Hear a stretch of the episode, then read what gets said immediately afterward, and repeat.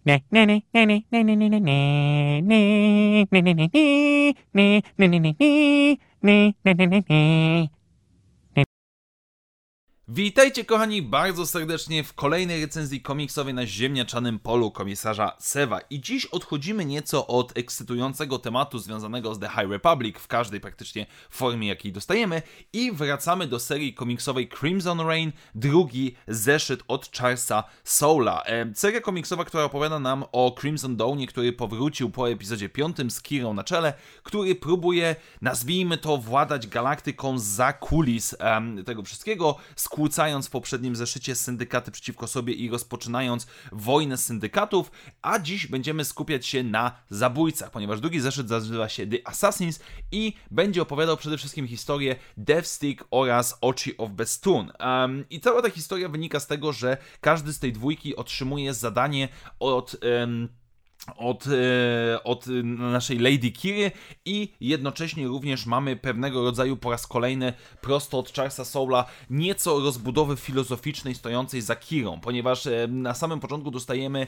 jak tak naprawdę można, dlaczego ludzie zabijają w galaktyce, no i mamy tutaj cały monolog tłumaczący, że jedni e, zabijają ze względu na wiarę, czy też jakąś na, wiarę związaną z tym, że robią to dobrze dla jakiegoś dobra. I tutaj przykład to są rycerze Jedi, niektórzy robią to dla poprawienia swojej sytuacji, dla nadziei e, i tutaj mamy na przykład łowców nagród z Bobą Fettem na czele, no i na samym końcu mamy tych, którzy zabijają dla przyjemności tutaj jest podany Vader. Generalnie rzecz ujmując, cała postać Kiry jest dla mnie lekko kiczowata, ale z drugiej strony nie mogę powiedzieć, że nie intryguje mnie jej cała filozofia i autentycznie jestem ciekaw, co ona wymyśliła w ramach tego całego swojego planu. Natomiast później przechodzimy do naszych poszczególnych zabójców. Z jednej strony mamy Ochi of Bestun, który według Kiry em, zabija dlatego, że się boi.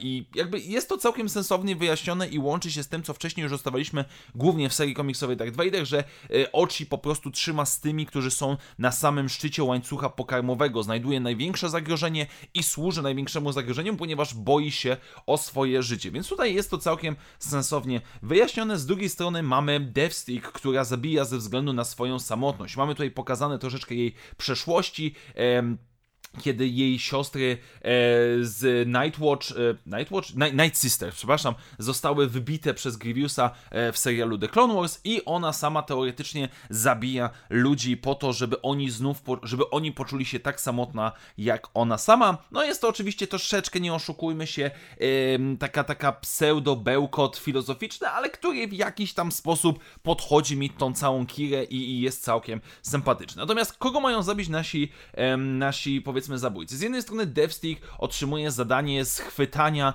dziedziczki dwóch syndykatów przestępczych, które e, są przeciwko sobie, czyli Morns e, Whale i Unbroken Clan. To są te dwa klany, które widzieliśmy w serii komisowej Bounty Hunters, czy też Łowcy Nagród, która wyszła również po polsku. No i jej zadaniem jest schwytanie tej dziewczynki. Um, żeby Kira mogła prawdopodobnie ją wykorzystać, żeby przejąć władzę nad tymi, e, nad tymi e, klanami. I tutaj dochodzi do całkiem zabawnej sytuacji, bo z jednej strony Deathstick trafia do rebelianckiej bazy, która naprawdę fajnie wygląda. Podoba mi się to, że między epizodem 5 a 6 widzimy po raz jeden z rzadka, kiedy widzimy naprawdę rozbudowaną placówkę rebelii, gdzie mamy e, dwa nebulony B, gdzie mamy transportowce, gdzie mamy koreliańskie korwety, gdzie mamy e, kalamarański krążownik. Naprawdę podoba mi się to, fakt tego, że rzeczywiście widzimy konkretną bazę, ale z drugiej strony, jako dywersję, Deathstick kontaktuje się z niejaką Imperial Anti-Terrorist Watchline, e, która zbiera informacje anonimowe na temat terrorystów, czyli rebeliantów.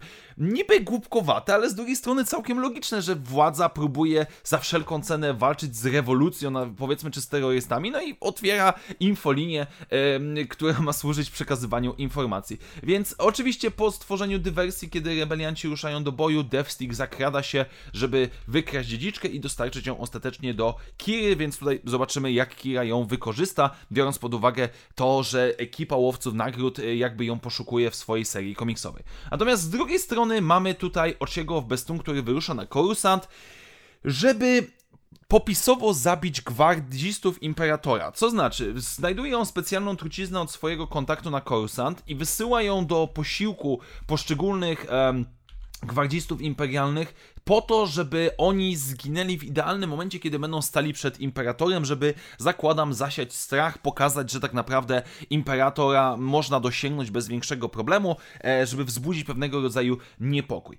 Mój znajomy Street, um, z którym jakby na bieżąco gdzieś tam dyskutujemy o komiksach, którego pozdrawiam bardzo serdecznie, um, stwierdził, że jest to dosyć głupkowaty pomysł. Znaczy się, no jak bardzo łatwo można zabić imperialnych gwardzistów, wszystkich praktycznie i tak dalej. No jakby, okej, okay, zakładamy, że to nie są mimo wszystko wszyscy, że to jest jakaś jedna zmiana.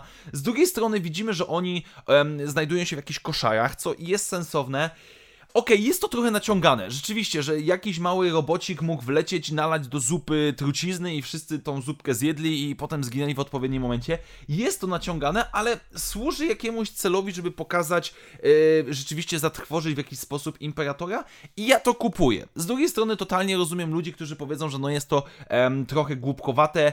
No okej, okay, niech będzie, ale wpisuje się w jakiś sposób. No i biorąc cało, całościowo cały ten... Mm, zeszyt, on nie posuwa nam akcji za bardzo do przodu, no bo z jednej strony mamy y, zastraszanie imperatora, z drugiej strony jednak Kira dostaje tą dziedziczkę powiedzmy w swoje ręce dwóch klanów, więc tutaj okej, okay, ten wątek gangsterski idzie do przodu, ale nie jest to jakiś przełomowy zeszyt, nie mogę powiedzieć, żeby tutaj się wydarzyło coś niesamowitego, tak jak w poprzednim, gdzie no, rozpoczęła się wojna syndykatów, która będzie dosyć, znaczy powinna być teoretycznie wielkim wydarzeniem w ramach całych Gwiezdnych Wojen, natomiast podoba mi się to jakoś. Jakby rozumiem wszystkie, tak jak mówiłem przy War of Bounty Hunters, tak samo tutaj rozumiem niechęć czy niepewność do powrotu Crimson Dawnu, do Kiry i tak dalej, ale sposób w jaki Charles Soule ją pisze, cały ten taki, taki pseudo-bełkot jakoś mi podchodzi. Trochę jest to guilty pleasure, być może, ale, ale naprawdę ja jestem mimo wszystko na plus i i czekam na następny, biorąc pod uwagę, że w następnym będziemy mieli The Archivist, czyli tą najbardziej tajemniczą postać